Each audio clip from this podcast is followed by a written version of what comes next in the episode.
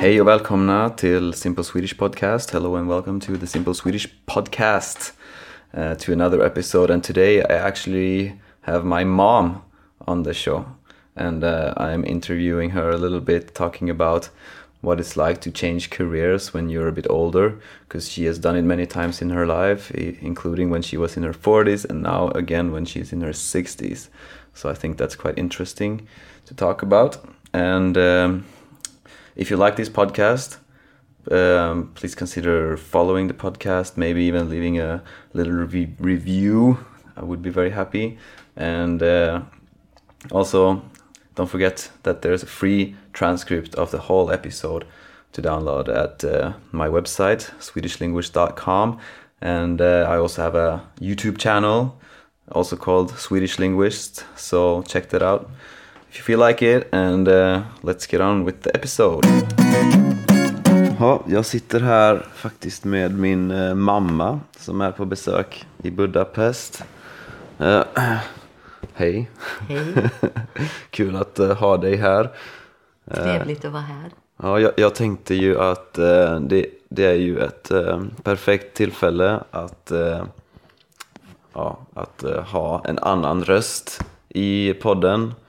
Eh, jag har ju haft ett avsnitt förut med en eh, gäst och det var, det var väldigt eh, kul tyckte jag och det är också kul för alla som lyssnar att få höra en konversation istället för bara jag som pratar. Så, och jag vill gärna prata om när du studerade till lärare i, när du var i 40-årsåldern och eh, ja, generellt om att byta karriär i lite äldre ålder än, eh, för att många studerar när de är i 20-årsåldern och sen så tänker de att eh, det, det är för svårt att byta karriär senare i, i livet.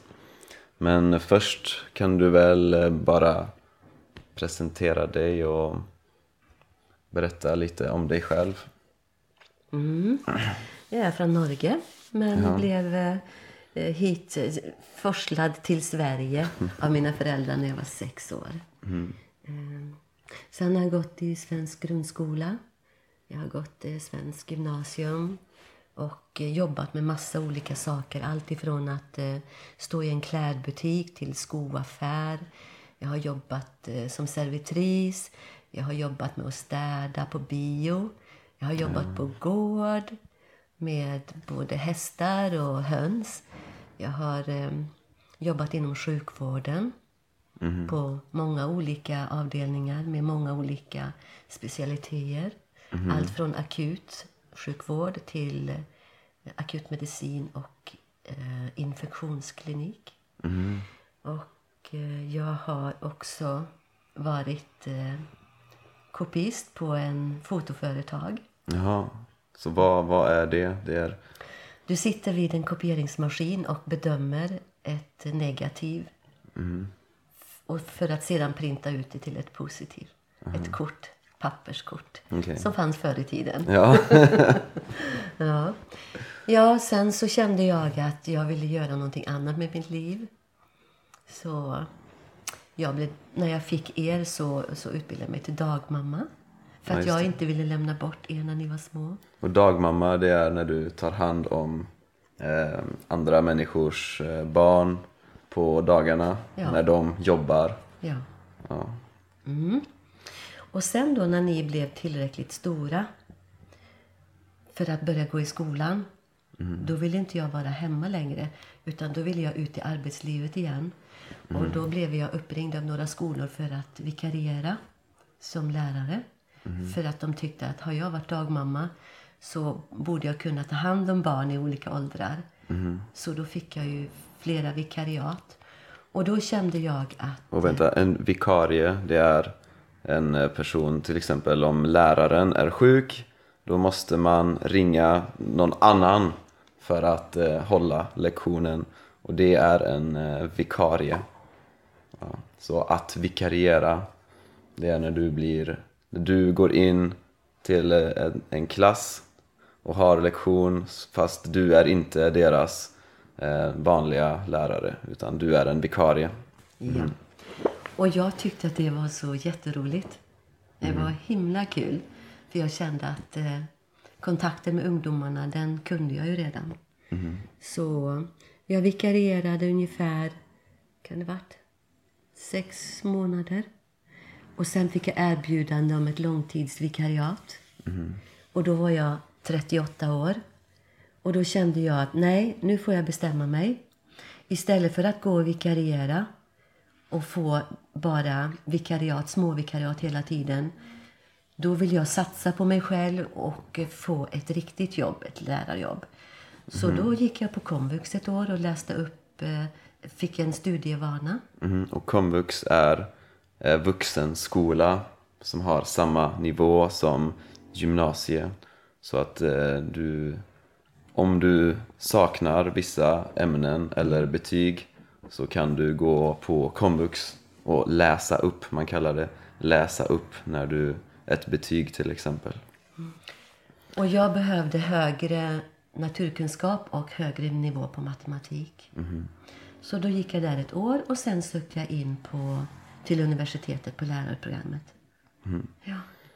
Och då var du, hade du precis skilt dig ja. med vår, min och min brors pappa. Så, så du började plugga direkt efter du och eh, våran pappa då hade skilt er. Ja. Och vi hade ju kvar huset så ni två fick ju bo kvar i huset. Och din pappa och jag vi flyttade in och ut varannan vecka. Ja. Och det är en ganska speciell, ett speciellt arrangemang. För att eh, vanligtvis så när, när man skiljer sig så flyttar barnen mellan föräldrarna. Men vi fick bo kvar i huset, jag och min bror fick bo kvar i huset i flera år. Och eh, du och pappa flyttade in och ut varannan vecka. Ja. Och jag hade ju ingen, jag hade ju inte ekonomi att skaffa mig ett eget boende. Så jag bodde varannan vecka så bodde jag hos mina vänner, olika vänner över hela västra Götaland. Ja.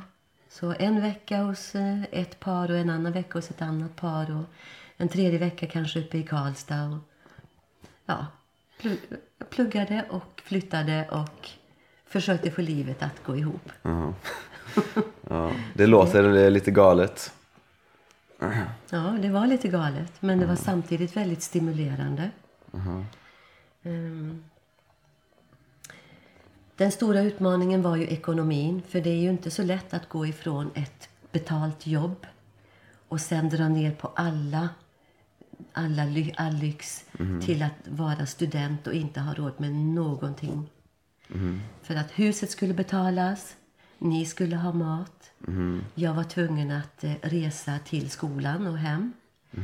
Och studentlitteraturen är inte gratis, den kostar mycket. Ja. Ja. Så den veckan jag inte hade er, då var det bara plugga, plugga, plugga. Och leva så snålt det bara gick.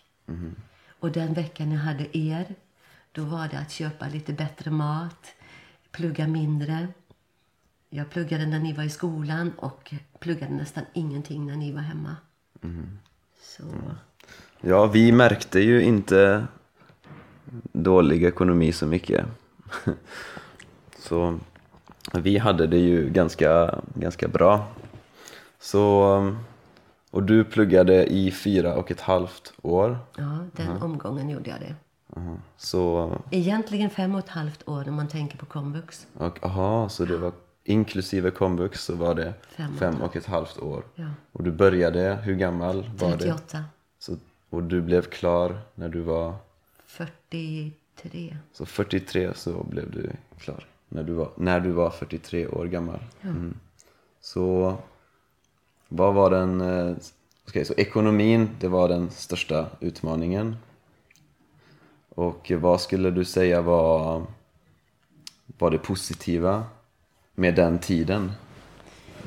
Det positiva var ju att eh, jag fick väldigt många fantastiska vänner. Vi blev ju som en stor syskonskara i vår klass. Ehm, Jag utvecklades enormt mycket mentalt. Jag kände att jag blev mer och mer intelligent för varje dag jag läste. Och jag blev starkare. Jag blev modigare. Jag vågade att ta beslut som jag kanske inte hade vågat innan eftersom jag märkte att allting fungerade. Trots att du inte hade egen bostad. Ja. Då kände jag också att wow, hur många fina människor, hur många goda vänner jag har som ställer upp på mig. Det hade jag inte fått reda på annars. Och en annan bra sak, det var att när jag levde så, så minimalistiskt att jag hade inga pengar över till någonting annat. Då blev det ju en lyxkick när jag började jobba och fick en lön. Då hade jag hur mycket pengar som helst. Men jag var ändå väldigt ekonomisk för att jag var van att vara ekonomisk. Men jag kände att jag kunde unna mig saker. Och det var så fantastiskt. Så um, du sk- skulle, säga, skulle du säga att det är värt att göra? Nej, det är inte värt. Det är väldigt, väldigt mycket värt. Så om man tvekar, då ska man inte tveka. För jag kände att jag var värd det. Många sa till mig, men hur ska du klara det i din ålder? Men dra på dig en massa studieskulder när du är så här gammal. Men det var inga problem. Ehm, Det var bara, jag fick ju en bättre lön än vad jag hade fått annars.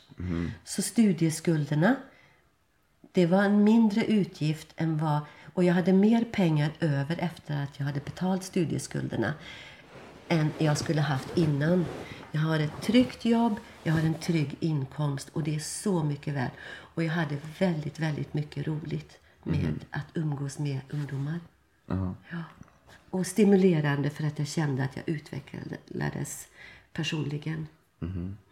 Så tvekar man så ska man inte göra det. Man ska verkligen ta steget att eh, utvecklas och ta sin utbildning. För att man blir inte yngre. Man kan bli smartare. Så det är ingenting att tveka på. Kör.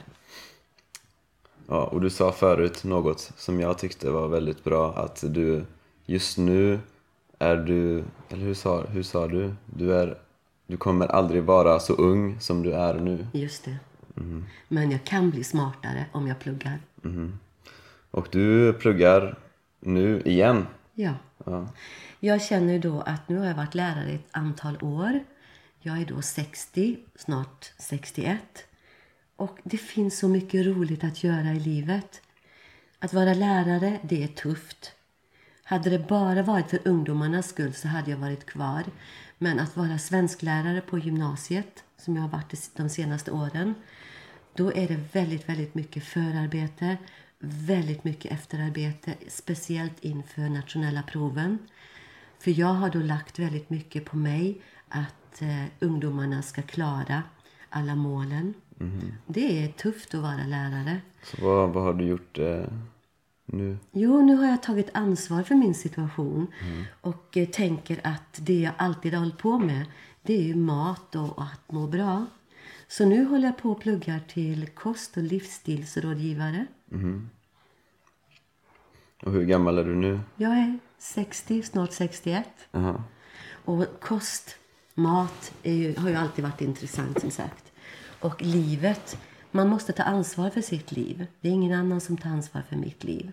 Och ska jag må bra, då måste jag också göra saker som får mig att må bra. Och ta ett steg till en annan utbildning eller en, ett, nya saker att göra i livet. Det är mitt ansvar att göra det. Så vad skulle ditt tips vara till en person som, som har en karriär men som inte trivs i sin karriär men, men de kanske inte vågar byta, de tror att det är för svårt att, att börja plugga när man är eh, till exempel i 40, 50, 60 års ålder. Då tycker jag man ska sätta sig ner och, och spesa upp, alltså skriva ner. Vad är det för fördelar med att plugga? Vad är det för nackdelar med att plugga? Och så kommer fördelarna att överväga. För att man ska våga satsa på sig själv. Du, man kommer aldrig att ångra att man har satsat på sig själv. För livet är så kort.